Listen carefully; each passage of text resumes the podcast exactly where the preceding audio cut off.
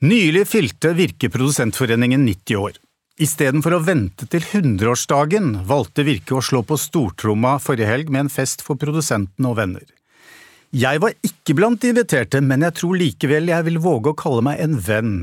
Og for de som ikke kjenner til Produsentforeningen, så er det en forening som består av de ledende norske film-, TV- og spillprodusentene her i landet. Og med meg har jeg tre av dem, Synnøve Hørsdal i Maipo, Erlend Hernø Rødeggen i nordisk Banijai og Kristine Ann Skaret i Stray Dogs Productions. Velkommen! Takk. Ja, eh, jeg tenkte jeg skulle begynne med slik jeg på en måte første gang kom i befatning med norske produsenter, så hørte jeg at man den gangen kalte den norske produsenten for den norske filmens syke mann. Det var selvfølgelig fordi medlemmene besto nesten bare av menn, eh, men i tillegg så var det nesten ingen som fikk det til å gå rundt. Og i dag er den norske produsenten for lengst friskmeldt, og også kjønnsbalansen er en helt annen.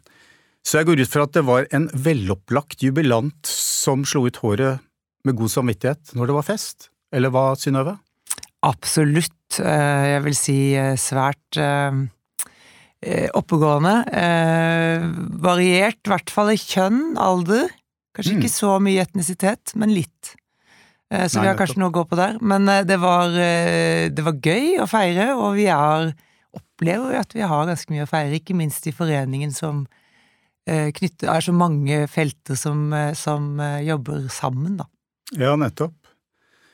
Altså, for statusen til den norske produsenten har jo på en måte endret seg veldig, eh, og det har på en måte fulgt hva skal vi si, den generelle utviklingen med at norsk film- og TV-produksjon har fått en mye høyere status hos folk generelt, vil jeg påstå.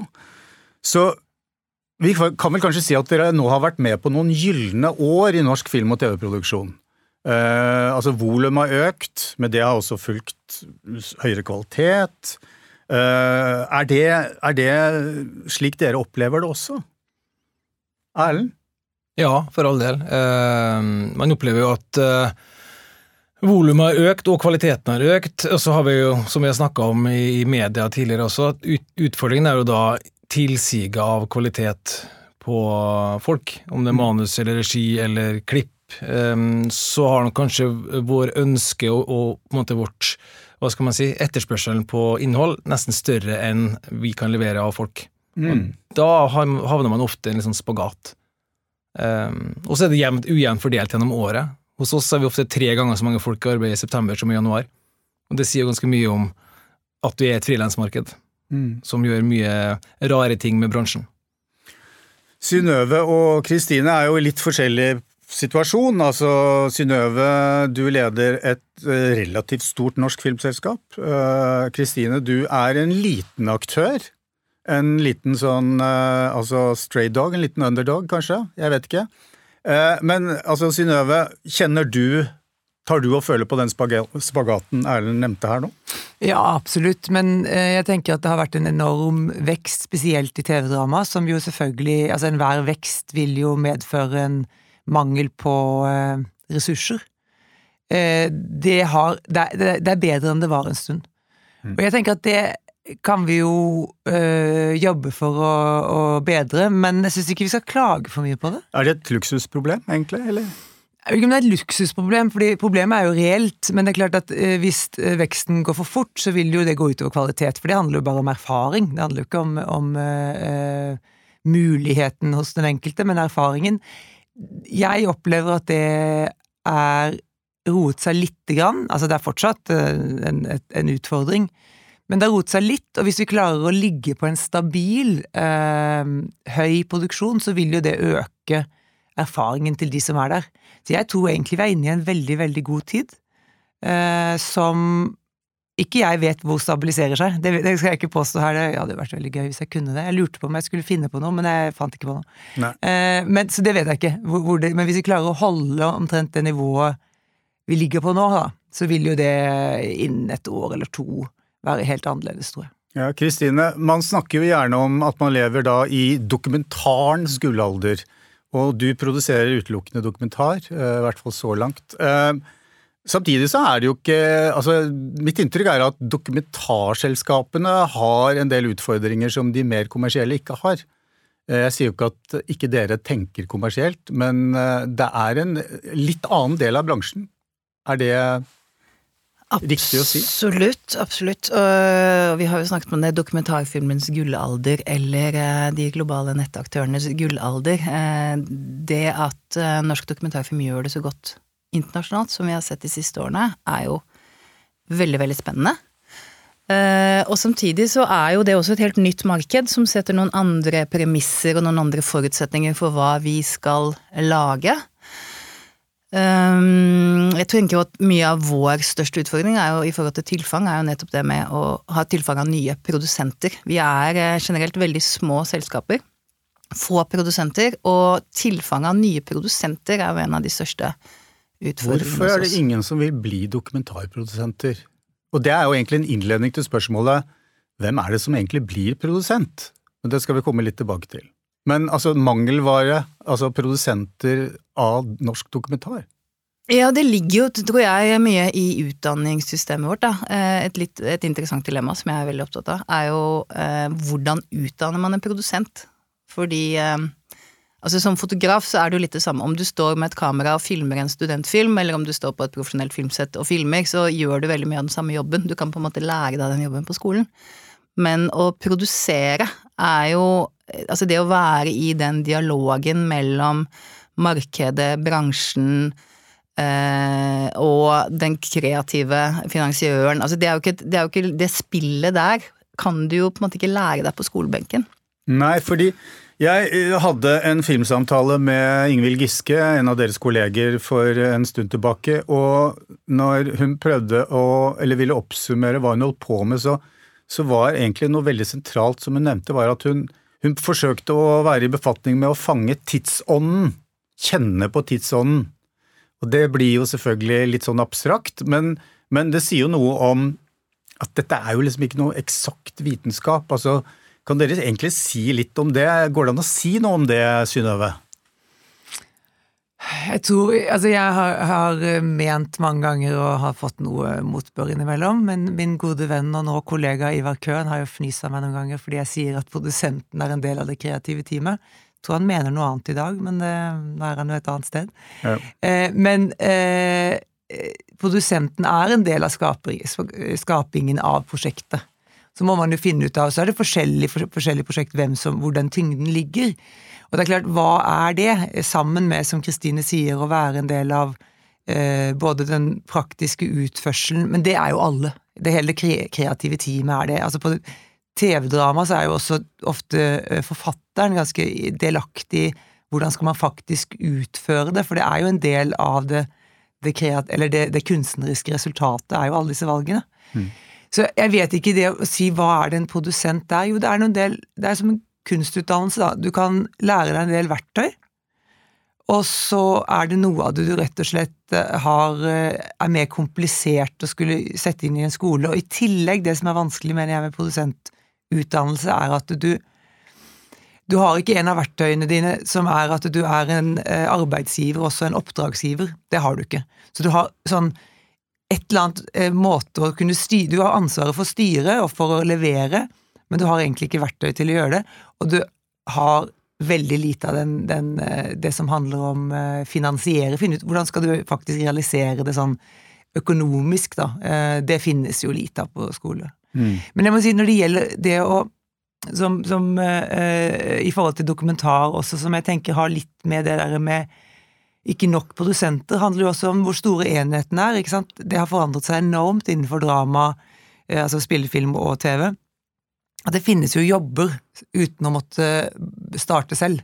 Du mm. kan faktisk gå ut og jobbe som produsent sammen med andre produsenter med erfaring. Før så var det jo litt sånn at du må dra i gang et prosjekt, eh, og så gjør du det, og så lever du det i fire år, og så begynner du på nytt. Du får ikke så mye erfaring i de enkelte tingene. Og det er helt annerledes i dag. Ja, altså Det var en produsent uh, som for lenge, lenge siden sa at uh, en produsent skal ideelt sett kunne gå inn i en hvilken som helst fagfunksjon og erstatte denne hvis det blir et frafall. Uh, det er jo en veldig urealistisk og romantisk forestilling om det, og det er lenge siden det ble sagt. Men, men, men det sier noe om at man må, man må jo ha på en måte grunnleggende kunnskap om hvordan alt henger sammen, da. Erlend? Ja, ja det, det, er et slags poeng i det, selv om jeg syns det er en dårlig idé at det er et premiss. på en måte. Eh, og så er det jo en forskjell på en dramaprodusent og en TV-produsent. Det er ganske sånn åpenbart, for vi vi ser jo produsenten mer som en, en, leder av prosjektet, selvfølgelig, men han kan jo fått, eller hun kan jo fått overlevert et format fra utlandet, eller ideen kan ha kommet fra et, eh, et, utviklingsrom, eller kan komme en bestilling fra kanal. sånn at Produsenten er på en måte ikke den som på en måte driver det her alene. Eh, samtidig har han både kreativt og økonomisk ansvar. Og så prøver vi nå over tid å bygge et sterkere team mellom produksjonsleder og produsent. Nettopp for at ofte produksjonslederen har ofte et vel så stort opplevd ansvar som en produsent. Det har vi mye diskusjon om nå. At, diskusjon, at produsenten har eh, mandatet og det gitte ansvaret, og så skubber man det over til produksjonslederen, som får alt på sine skuldre, mens eh, produsenten er litt mer sånn flamboyant på toppen. Mm. Og Det har vi jo både ledd av, men også tatt litt på alvor nå. At vi bygger heller et sterkere team med to. Eh, begge ansvarlige, men med produsenten over totalansvar, mens, eh, mens produksjonsleder har mer logistikk og økonomi, og produsent kreativt, men også levering mot kunde og kanal. Og, så det er mer en sånn De driver jo en sjappe i seg sjøl. Det er på en måte vår oppfattelse. Vi driver jo Nordisk Banenjoy, har 12-15 små bedrifter under oss, og så har du en produsent som styrer den bedriften, og bygger sitt team. Så for oss er det mer sånn god lagbygger, ikke sant, ta vare på folka sine, det er nesten viktigere enn at en skal kunne ta lydjobben eller fotojobben, for det, det, løser vi på en annen måte. Mm. Vi lever jo i en tid hvor altså film- og TV-mediet, eh, eller altså i mangel av et bedre ord, altså audiovisuelle produksjoner, altså gjennomgår de største forandringene og de mest turbulente tidene egentlig ever. Og man tenker ikke så ofte over det, eh, men har dere tid til å reflektere over det? Eh, når dere er midt Dere er jo liksom midt i stormens senter, på sett og vis? Ja, ja, det vil jeg si. Vi snakker mye om det og har mm. snakket om det lenge. og men hva, hva, snakker dere om da? Er det sånn at dere er engstelige, eller er det, for, eller er det at dere syns det er spennende? Kanskje begge deler? Eh, sikkert litt begge deler, og litt eh, hvilken, hvordan du ser på livet. Men eh, stort sett så tror jeg man har søkt, eller ikke stort sett, det er kanskje en overdrivelse, mange søker jo litt til denne bransjen av en slags blanding av eh, risikovillighet og eventyrlyst og uh, søke det ukjente. Så kan mm. man jo kanskje bli litt mer eh, satt etter hvert, da, men det er jo mest gøy. Jeg, jeg mm. syns det personlig. De fleste syns det. Noen ganger er det selvfølgelig frustrerende og hva skjer, og hvordan blir det, og det er hundre teorier, og du kan gå på seminar etter seminar om hvordan ting ser ut, og det blir jo ikke sånn. Eh, men det er jo veldig mange muligheter som kommer opp i det, og så tenker jeg liksom eh, Konsumet av det innholdet vi lager, tror jeg ikke blir mindre. Men om ti år så konsumeres det sikkert på steder vi ikke har tenkt oss, eller måter vi ikke har tenkt oss. Men at det konsumet vil fortsette, og da er det viktigere enn noen gang fordi vi er så raskt forandrende at vi står sammen som forening. For det mener jo jeg, da. I alle de forskjellige områdene. Fordi eh, plutselig så går de også sammen. Altså spill sammen med Så vil det være Vi har mye rettighetsproblematikk, eksempel, som vi er jo felles om. Vi har en stort behov av å passe på vår egen kultur og språk, og at vi faktisk beholder en norskt innhold til, til publikum den kampen tror jeg bare blir større. Fordi dere, eh, Erlend og Synnøve, dere er jo eid av større aktører.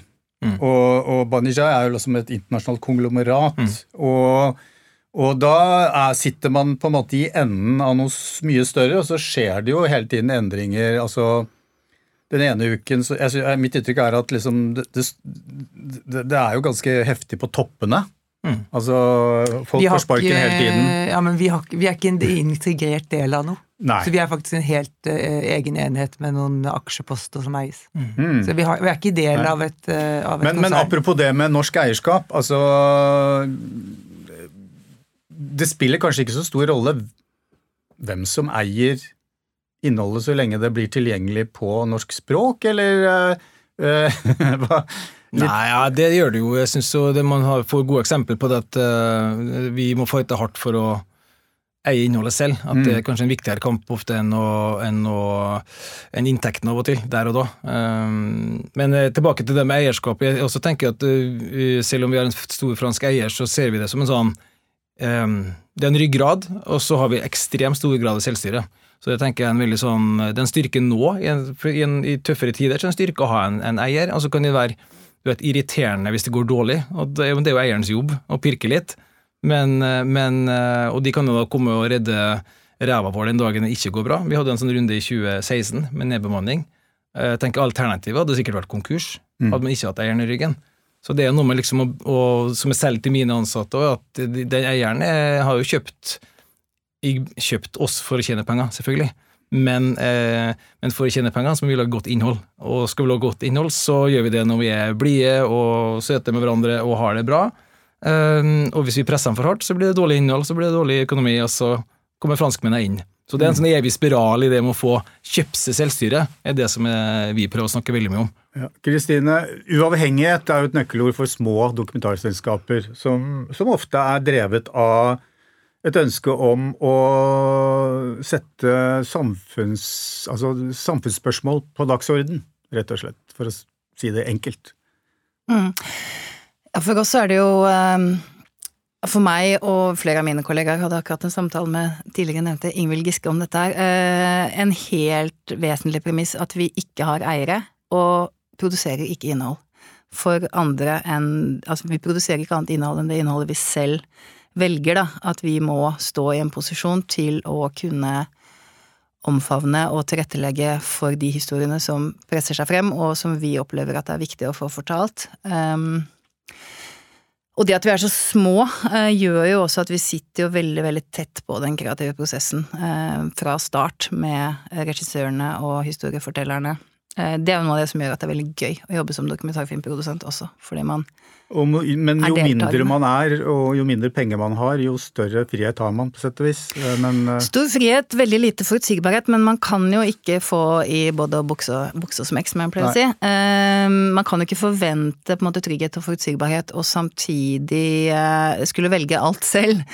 Det, det, det tror jeg ikke lar seg kombinere, rett og slett. Nei. Ja, Synnøve? Nei, bare i forhold til dette med eh, Altså, det er jo uansett ekstremt viktig Språk er jo bare én ting, men vi må jo Altså, jeg mener det er veldig viktig at vi forteller fra et norsk kulturelt ståsted. Eh, om det gjøres fra eh, Erlend lokalt i Norge, det er jo for så vidt greit, eh, men at ikke det, det man forteller er historier som er definert fra andre steder, og med en kulturell syn som er fra andre steder. Det, det, er ikke noe tvil om at det er en forskjell på altså bare synet på hvordan, hva kan en kvinne gjøre i USA og i Norge. Altså Det er en forskjell.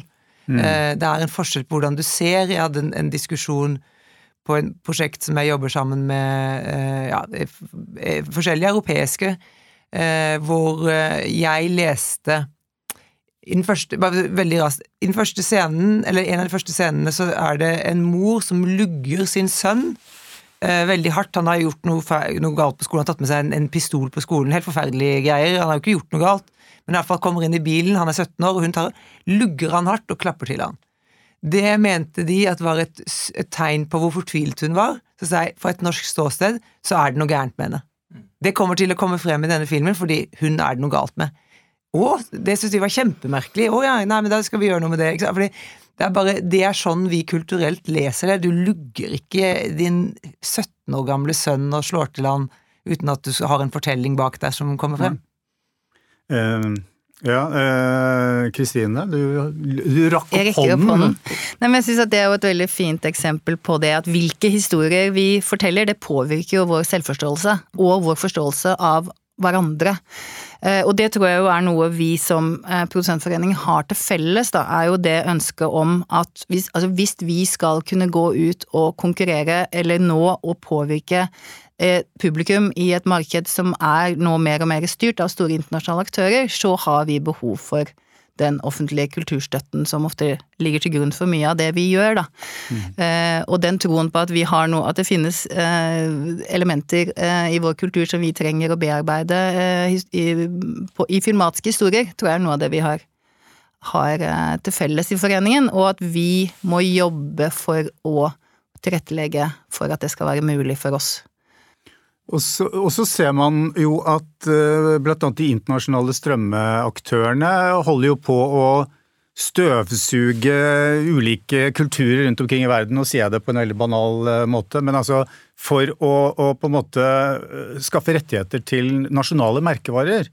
Altså Netflix med ikke sant, Roald Dahl-merkevaren, og så har du Viaplay, som jo for så vidt er en nordisk aktør, men også en større internasjonal aktør, som, som kjøper opp ulike nordiske merkevarer, altså fra Astrid Lindgren til, til uh, Mummi, Troll-merkevaren. Altså det, er, det, det, er, mye som skjer, og det er klart at altså, små norske produsenter har ikke så mye å stille opp der når det gjelder å kjøpe rettigheter til våre nasjonalklenodier, da, for å si det sånn. Det er jo litt sånn bekymringsverdig, er det ikke det? Ja, det syns jeg det er. I aller høyeste grad. Og hva vil vi med det? Hva syns vi om det? Hvordan kan vi gjøre det? Klart vi kan gjøre noe med det. Men uh, tenker vi at det er greit, så kan du si hva er det som er viktig å holde på eller ikke, men, men i hvert fall hvis det skal være nasjonale fortellinger fra et nasjonalt ståsted, så må det ivaretas og fortelles fra et, nasjonal, altså fra et norsk ståsted. Da. Jeg syns det er bekym, bekymringsverdig, er det riktig ord? Jeg er litt usikker på øh, Men at man må ha en diskusjon om det, det syns jeg. Mm. En, uh, og hva syns vi uh, i det offentlige? Hva syns vi skal sørge for at vi beholder? Vi skal ikke bare beholde historien, men, uh, men vi bør være bevisst det, ja. Ja, skal man tro at det er vi kaller eldre som er så opptatt av det, men sønnen min på elleve han går rundt og er veldig opptatt av om amerikanerne vet at trollet spilte inn i Norge, eller at, det er, at troll er norsk. Og, han, og, hvis det, han oppdager at det ikke er det, da skal han dra over og fortelle dem det. Han er veldig opptatt av å såre når, når, når, folk eh, på YouTube og TikTok demonstrerer at de, TikTok, eh, demonstrerer at de ikke vet om, om vikinger kommer fra Norge, f.eks. Eller at mm. Thor er en amerikansk tegnefilmhelt og ikke en ekte gud fra Norge. Og Det blir oppriktig irritert, og det er et godt tegn da, når de elleveåringene er såpass engasjert i det norske. Men, men, hva kan man gjøre? Skal man gjøre som eh, altså Den norske staten gir strømstøtte. Burde man gitt rettighetsstøtte til norske produsenter, sånn at de kan ha råd til å kjøpe rettigheter til eh, våre egne fortellinger? Nei, det vet jeg ikke. Jeg, vet, jeg kan ikke gi egentlig svar akkurat nå, men man må i hvert fall ha en veldig bevisst og en litt større diskusjon rundt det. Mm. Og hva er det vi skal bruke de Vi ender jo ofte å snakke om de få millionene som ligger i, i Filminstituttet. Det ligger jo et mye større diskusjoner her. Det, det, er jo mange milliarder i, som det skapes innhold av, eh, norsk innhold av Innhold av Det skapes for flere milliarder. Eh, men og, hvordan vil vi regulere det? Vi regulerer jo alt. Det er jo ikke som, eh, Hvorfor burde det være en større kulturregulering òg? Mm. Det er en, en, veldig stor, eller veldig mye diskusjon som ikke er der for tiden. Eh, det blir litt eh, kulturløst, syns jeg. Mm. Ja, og så tror jeg jo litt at eh, altså, Internasjonalisering er jo bra, og det er fint at vi kan eh, komme ut i verden og, og, bli kjente for våre vikinger og troll mm. og andre historier som vi, som vi har skapt her i dette landet. Men, men, det er jo også viktig at vi kan skape norsk innhold for et norsk publikum. Altså, det er jo der man ofte skaper nye kulturelementer, da, eller at vi kan at vi kan, eller det, jeg håper jo på det at vi kan, at det er en slags sånn pendel hvor vi har vært inne i en periode hvor alt skal til Amerika, liksom, kanskje til og med til Kina, men det at vi eh, skaper norske historier for et norsk publikum og jobber rettet med, eh, jobber med publikumsarbeid eh, i Norge eller i Skandinavia eller i de mindre språkgruppene, det håper jeg at vi kan se verdien av det eh, mer sterkere framover. Du var inne på det, Synnøve. Altså hva, hva, hva, du savner i den offentlige debatten, eller eh, for så vidt bransjedebatten også. Men er det, altså, er det noen perspektiver dere savner, eh, rett og slett? Altså, fordi altså, Produsentene er jo ikke så mye på, på, på banen, altså i offentlighetens lys, med, med liksom flammende innlegg og, og brannfakler. Eh, altså, så nå har dere muligheten her nå. Uh, nei, men, men, alvorlig talt, altså, uh, hva er det dere savner, altså, Erlend? Ja, det er én sak som vi har tatt opp ja. nå i det siste. I, i TV-underholdning så har vi jo vært helt fraværende fra type offentlig stønad og søkeordninger og vestnorsk. Og, vi har jo ikke vært borti det, for vi har bare hatt fullfinansierte prosjekt fra Kanal, og mm. bare jobba med det. Eh, men nå har vi jo sett eh, av muligheten vi har sett at hvorfor skal det ikke være et, eh, et, eh, et insentiv for at en tysk kanal eksempel, kan bestille en 71 grader nord produsert i Norge for et tysk publikum, med tyske kjendiser flydd inn til Norge. Hvorfor kan ikke det være også en, en, en, en støtteordning som på lik linje med film og drama?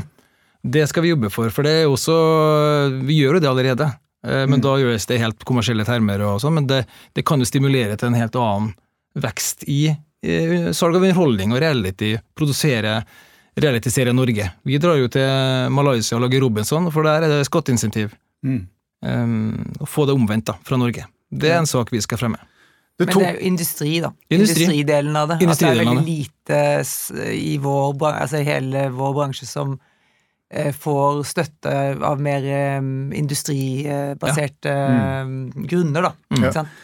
Det har jo tatt tid for hva skal vi kalle det, reality-sjangeren, virkelighets-TV, altså dokumentarens eh, litt sånn en gang i tiden i hvert fall frynsete fetter, altså å komme inn i varmen. Men den har jo kommet inn i varmen, eh, og det er jo utrolig å tenke på eh, for sånn 10-15 år siden at man, var jo, man fryktet jo en moral, nasjonal moralsk kollaps eh, i kjølvannet av av reality-TV.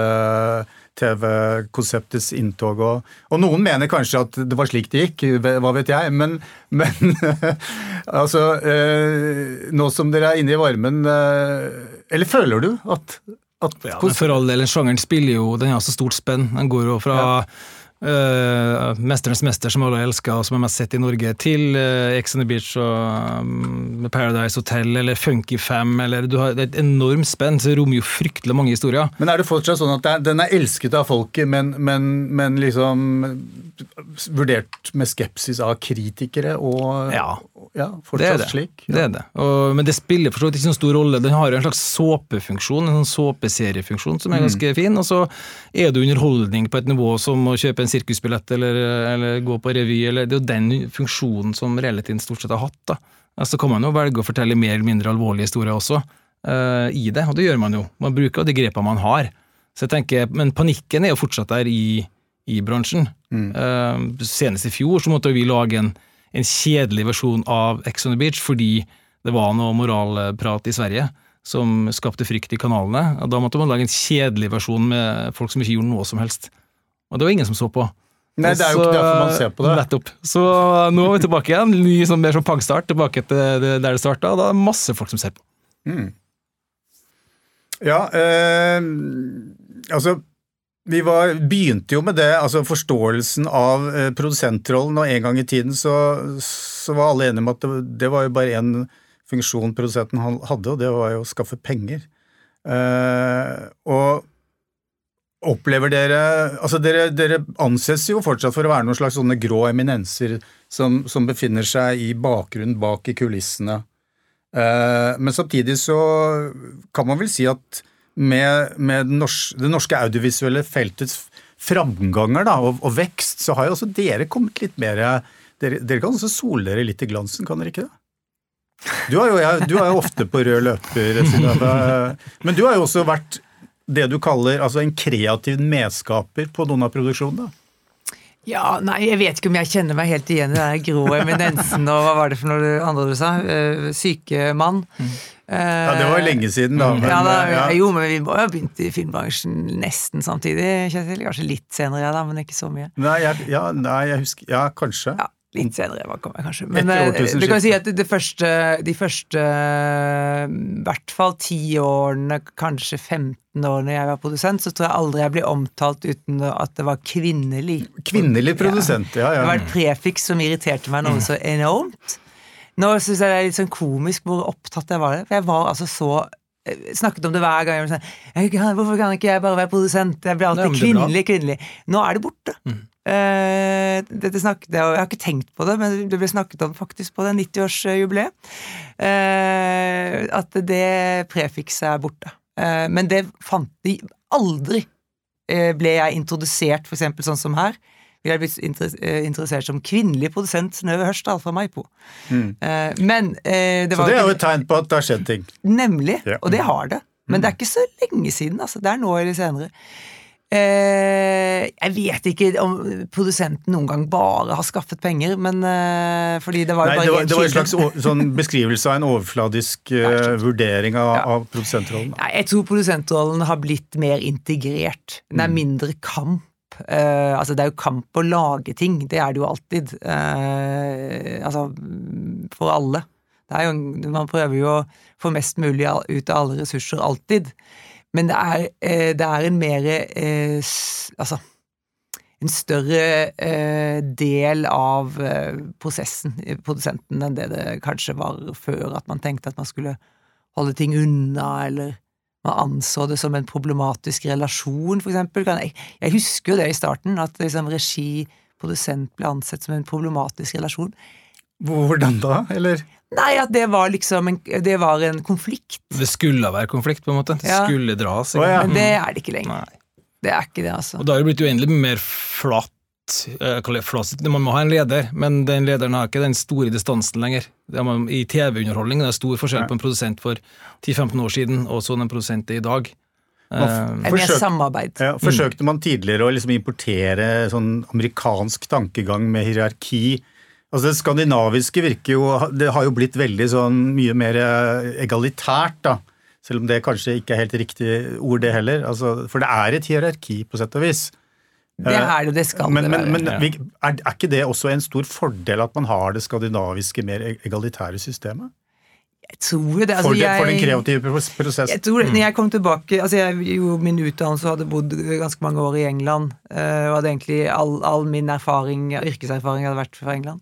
Så når jeg kom tilbake og skulle være første produksjonslederjobben i Norge, så syns jeg altså, alle skulle mene noe om alt. Jeg syns det var så tungvint.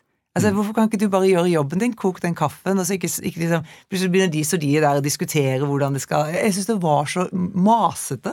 Eh, Men man venner jo seg til det, og nå tenker jeg at det er jo en, det, altså det er en enorm verdi at alle føler eierskap.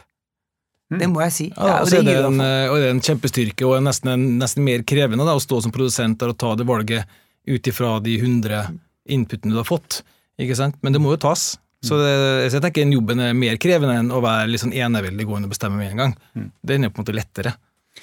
Men du nevnte det, Synnøve, at det- er jo en konkurransesituasjon, og det er jo en beinhard konkurranse mellom produsentene. Ja. Eh, og sånn som jeg opplever Produsentforeningen, så består den av folk som har litt ulike agendaer, litt ulike interesser, så det må jo være noen friske diskusjoner innimellom, da. Eh, det går vel altså det går vel sivilisert for seg på julebord, går jeg ut ifra. Men, men altså det er, det, er, det er jo sterke krefter som både konkurrerer og skal samarbeide på en gang. Hva tror du om det, Kristine? Nei, altså Kanskje fordelen med foreningen eller det styret som vi tre sitter i, er jo nettopp det at vi representerer ulike grener. Så jeg opplever jo ikke at vi som styre konkurrerer så mye sånn oss imellom. Vi jobber med så ulike felt. Jeg vet jo om mange som konkurrerer ganske hardt seg Det er imellom, det er mye konkurranse, men jeg må si noe om det, for jeg har jo sittet sånn inn og ut av dette styret i veldig, veldig eh, mange år. Jeg- tror eh, bransjen har blitt mer profesjonell, og dermed har vi også fått et mer profesjonelt eh, forhold til hva denne organisasjonen skal gjøre for oss. Mm, ja. det finnes forskjellige altså, På ca. ti år siden, nei, kanskje litt mindre, så, så brøt jo ut en gruppe fra Produsentforeningen. Som var store underholdnings-TV, som følte nok at eh, de ble ikke representert fordi det var veldig ensidig fokus på offentlig støtte, offentlige vilkår, eh, altså støttevilkår, kultur, altså kunstbiten, da og meldte seg ut. eh, Og så ble vi jo gjenforent igjen i Virke. Hvor den, de hadde nok mer behov av liksom arbeidsgiversiden av det, litt mer sånn an, altså industrisiden, da. Mens det var så ensidig fokus på, på kultur. Og nå ble vi jo altså så, Det var ikke så mange år, men så ble vi jo gjenforent i Virke. Og nå er det jo litt sånn at hele bransjen har blitt innfunnet seg med at det finnes en industri, og det finnes noen særinteresser for de forskjellige. De eventuelle stedene hvor vi er ute etter det samme, er mindre enn det var før. Mm, Økonomien er mye, mye større òg. Mm. Før var jo alle Det var jo egentlig bare Filminstituttet og punktum, liksom. Ja, ikke sant. Altså, men det er jo en iboende naturlig konflikt mellom det kreative og det økonomiske i en sånn kostbar kunstform. Det er jo, det er jo helt uunngåelig. Det vil jo alltid være der. det er jo ikke, det er ikke ideelt at industrien får så sterkt grep at, at det på en måte De kreative hensynene på en måte blir litt sånn at det blir sånn, De greier liksom ikke å yte noe særlig Nei, kreativ hvis, motstand, da. Nei, men det mener jeg jo da funker jo ikke den andre siden heller. Det, nei, nei, det, nei, det, er, så, det er sånn yin-yang. Ja. ja, og det, tror jeg man også har blitt mye mer eh, skal si om man får det til, en større refleksjon over Det er jo det som er gøy òg, da. Den, den motsetningen. Mm. Ja, og det er, jo, det er, jo, når man blir begrensa at man er nødt til å slåss ut. ikke sant? Det er bare det å tøyle diskusjonen hele tiden, det er det vi driver med også hele tiden. Det er jo på en måte tøyle de rammene man har. Og så må man ha vett nok til å stoppe i tide, eller ha en tydelig leder nok til å stoppe i tide. Altså, det kan jo være at man har eh, et ønske om å gjøre ditt eller datt, men så får man nå en slags begrensning. Og så må man tilpasse seg, selvfølgelig. Og de diskusjonene må man jo få lov til å ha fortsatt. Og jeg elsker også fortsatt at det er friksjon mellom regi og produsent, f.eks., for, for da har man iallfall noe på hjertet. Mm. Da har man iallfall noe å melde. Eh, hvis det går for, for smertefritt, så er det jo per definisjon eh, for kjedelig. Så... Ja, da vil du jo ikke ha altså Hvis du har, får en regissør som sier at det er godt nok, det er jo, det er jo, det er jo marerittet til en måte. Altså virkelig. Ja. Ja, Kristine, stadig vekk så vender jeg tilbake til deg som den, litt, uh, den som er litt annerledes og stikker seg ut her. Uh, som er litt sånn underdog. Uh, hvordan ser du på det? Altså balansen mellom industrien og, og det kreative?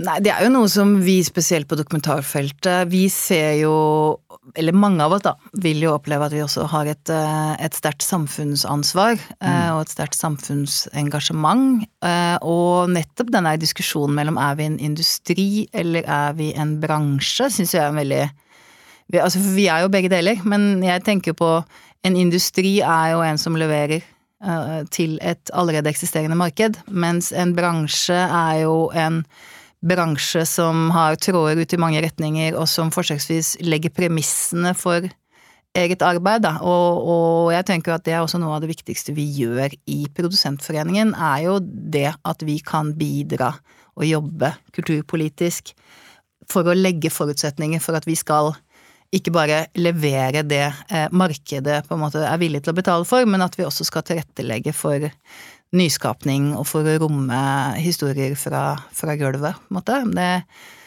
jeg opplever jo at vi er ganske enige, at vi, fav, at vi favner begge de to, eh, men, men eh, som Synnøve sier, det ene er en forutsetning for det andre. Eh, hvis vi bare skal på en måte reprodusere og levere, så faller jo argumentet for offentlig kulturstøtte på en måte fra. Det er jo våre historier vi skal fortelle. Vi er jo ikke... enige om at uh, vi først og fremst er uh, avsender og ikke leverandør. Det, det, er jo det som organiserer uh, Produsentforeningen. Det er ikke Og det kan du si at Underholdnings-TV kanskje i større grad leverer, men opplever ikke det som noen konflikt hos oss. Alle vil at vi skal jobbe for rettighetsbeholdning, altså beholde mm. rettigheter. Vi er ganske forent rundt de spørsmålene. Det viktigste Vi er først og fremst der for å passe Altså for å, å um, sørge for altså, Eller først og fremst, det er, det er forskjellige ting, men, men, det organiserer ikke leverandører. Og det har vi hatt diskusjoner på. Det er ikke det, vi, det, er ikke det Produsentforeningen organiserer. Det er eh, innholdseiere. Mm. Ja, da, Det er jo nettopp det som er kanskje den viktigste kampen nå som forener oss mer da, framover. ikke sant? Det at vi skal vi må eie innholdet selv, um, og blir vi en bransje som bare er guns for hire, så da kan man jo bare legge ned.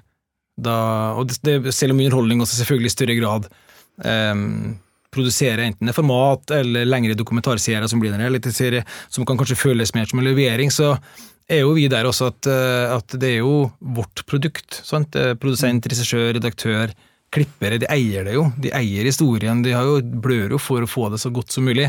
Og eh, det er jo veldig begrensa egentlig hva kanalene på en måte sitter og mener for mye. Det er jo ikke de tider heller. Så man er jo sin egen på en måte redaktør hos oss også, som er ganske viktig. da. Ja, og så er mm. kampen om eh, at uh, vi får beholde den uh, opphavet, da. Mm. Som, uh, som, og de tingene som ligger rundt det. er jo viktig. Altså spesielt selvfølgelig altså du, Lager du spillefilm, som jo vi lager mye av, så er det klart, da er du det, eier du prosjektet på en helt annen måte enn om du fullleverer fulleverer til en uh, strømmetjeneste.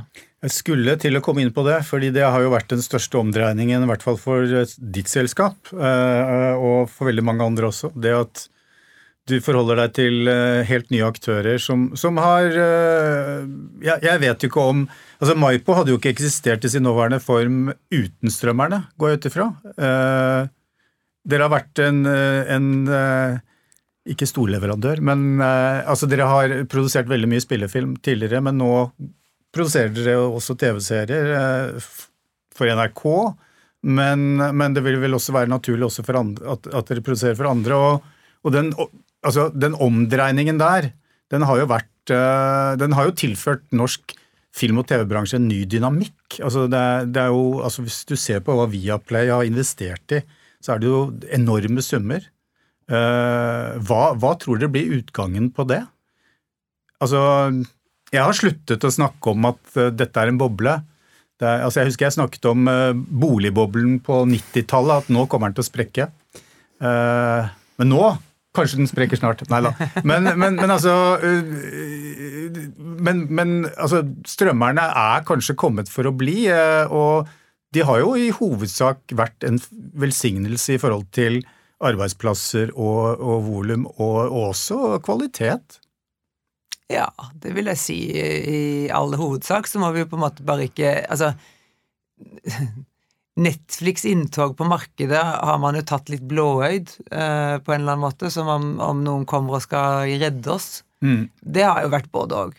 Eh, men der må man jo bare være litt hardere igjen, da. Vårt ståsted. Vi regulerer ting. Eller vi er ikke så veldig gode på å regulere ting i Norge, egentlig. Det er jo bedre i Sverige og Danmark. Men, eh, men det er i hvert fall sånn tradisjonelt, og at man må passe på at det eh, også ivaretar vårt innhold. Men hvis vi skal si det bare sånn rent fra min erfaring som produsent, så er det klart, mentalt uh, er det en stor uh, forskjell å lage en spillefilm du selv har 100% kontroll på. Selvfølgelig har partner og masse, masse, masse. Men det er noe annet enn å skulle levere til strømmetjenestene. Nå har jeg aldri hatt en 100 leveranse, skal sies. Uh, selv om de har vært mye finansiert, så har de jo aldri vært helfinansiert, eller hellevert. Det har jeg litt sånn tullete sagt internt at det får de yngre produsentene gjøre. ok. Nei, men det handler noe med eh, det er en, det er, hvem, hvem, er det, hvem, er det, som um, uh, Hvem er det som har siste ordet, da, i innhold? Mm. Og den uh, er en litt sånn annen måte å, å, tenke det på. Det kan bli bra innhold av det, altså. Det trenger ikke å være noe, noe dårlig, men det er en litt annen måte å forlate all eh, den anarkistiske holdningen du måtte ha til ting, i hvert fall. Mm.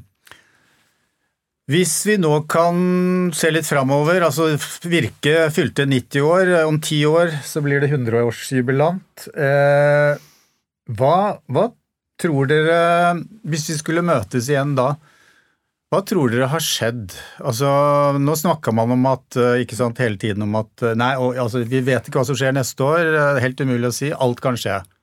Og man får jo en følelse at alt kan skje. Eh, men mye blir jo kanskje også ved det gamle. Men hvis dere skal hver for dere kort skissere Gjerne være dystopiske hvis dere er i det hjørnet, eh, om hva som vil skje eller har skjedd om ti år.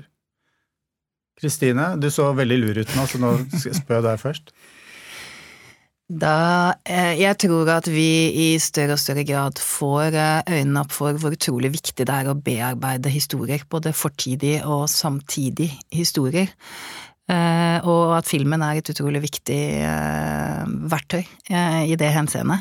At vi kommer til å se betydningen av kunst- og kulturproduksjon i forhold til samfunnsbygging og i forhold til altså bevaring av demokratiet. Og da vil selvfølgelig dokumentarfilmen være helt vesentlig i, i den sammenheng. Ja, og det vil være fred og fordragelighet i landet? Jo mer dokumentarfilm, jo mer fred og fordragelighet. ja, eh, Erlend? Eh, Jeg er jo rimelig optimistisk anlagt eh, på alle måter, og jeg tenker også for framtiden. For jeg tror eh, selv vi som er da, vi er jo historiefortellerne. Helt uavhengig av hvilken plattform det nå på en måte skal gå på. For de kommer og går, og det kommer til å skje konsolidering, og folk trekker seg inn og ut, og det blir mye greier. Men vi som forteller historier og kan det, vi vil jo kunne gjøre det hele tiden. Og det har vært en holdning vi hadde ganske tidlig med at Nei, det må produseres på høyformat eller stående eller langformat og kort. Nei, vi kan lage en god historie, og så skal man løse den plattformen etterpå, og det tror jeg kommer til å gjelde fortsatt. da. Mm. Og da, da, da trenger vi heller ikke ta på oss så mye angst, verken for teknologi eller motstand eller hva det nå er, for den historien skal ut på et vis. De ligger jo der og skal plukkes opp og foredles, som, eh, som vi har snakka om. Um, og selv om det er konkurrerende med amatører som holder på med alt mulig tullball, så er det fortsatt behov for kvalitetshistorie, enten det er TV-format, eller om det er dokumentar eller film og drama, eller Folk vil ha en godt fortalt historie. Mm. Synnøve, du kan få lov til å runde det av. Da skal jeg si hva jeg eh, ønsker meg om ti år, da, kanskje. Eh, Jeg har ikke peiling hvem som blir her og ikke. Vi er Sikkert, som, som jeg sa tidligere, vi kommer til å være et like stor etterspørsel etter eh, innholdet vårt. Mm. Men jeg håper jo om ti år at uh, kinoen uh, har en viktig møteplass. Det håper jeg. Jeg håper at uh, kinoen som Hva skal man si Filmens galleri oppleves som et viktig sted for folk å gå. Jeg tror det er um, det, det fysiske møteplassen også er viktig, og det er der du kan oppleve det vi gjør, da, mener jeg, på, på en eh, best måte. Mm. Så det er mitt håp, og jeg tror den kommer til å overleve. Jeg er ikke helt sikker på hva som er der på veien, og kinoene lokalt mot sine individuelle eh, publikum der de er, må også jobbe litt mer eh, målrettet sammen med oss. Mm. Da gjenstår det å se om kinoen eh, holder stand eller forblir en nisje som teatret. Hvem vet? Eh, tusen takk for at dere ble med i Filmsamtalen, Synnøve Hørsdal, Erlend Hernø Røeggen og Kristine Ann Skaret.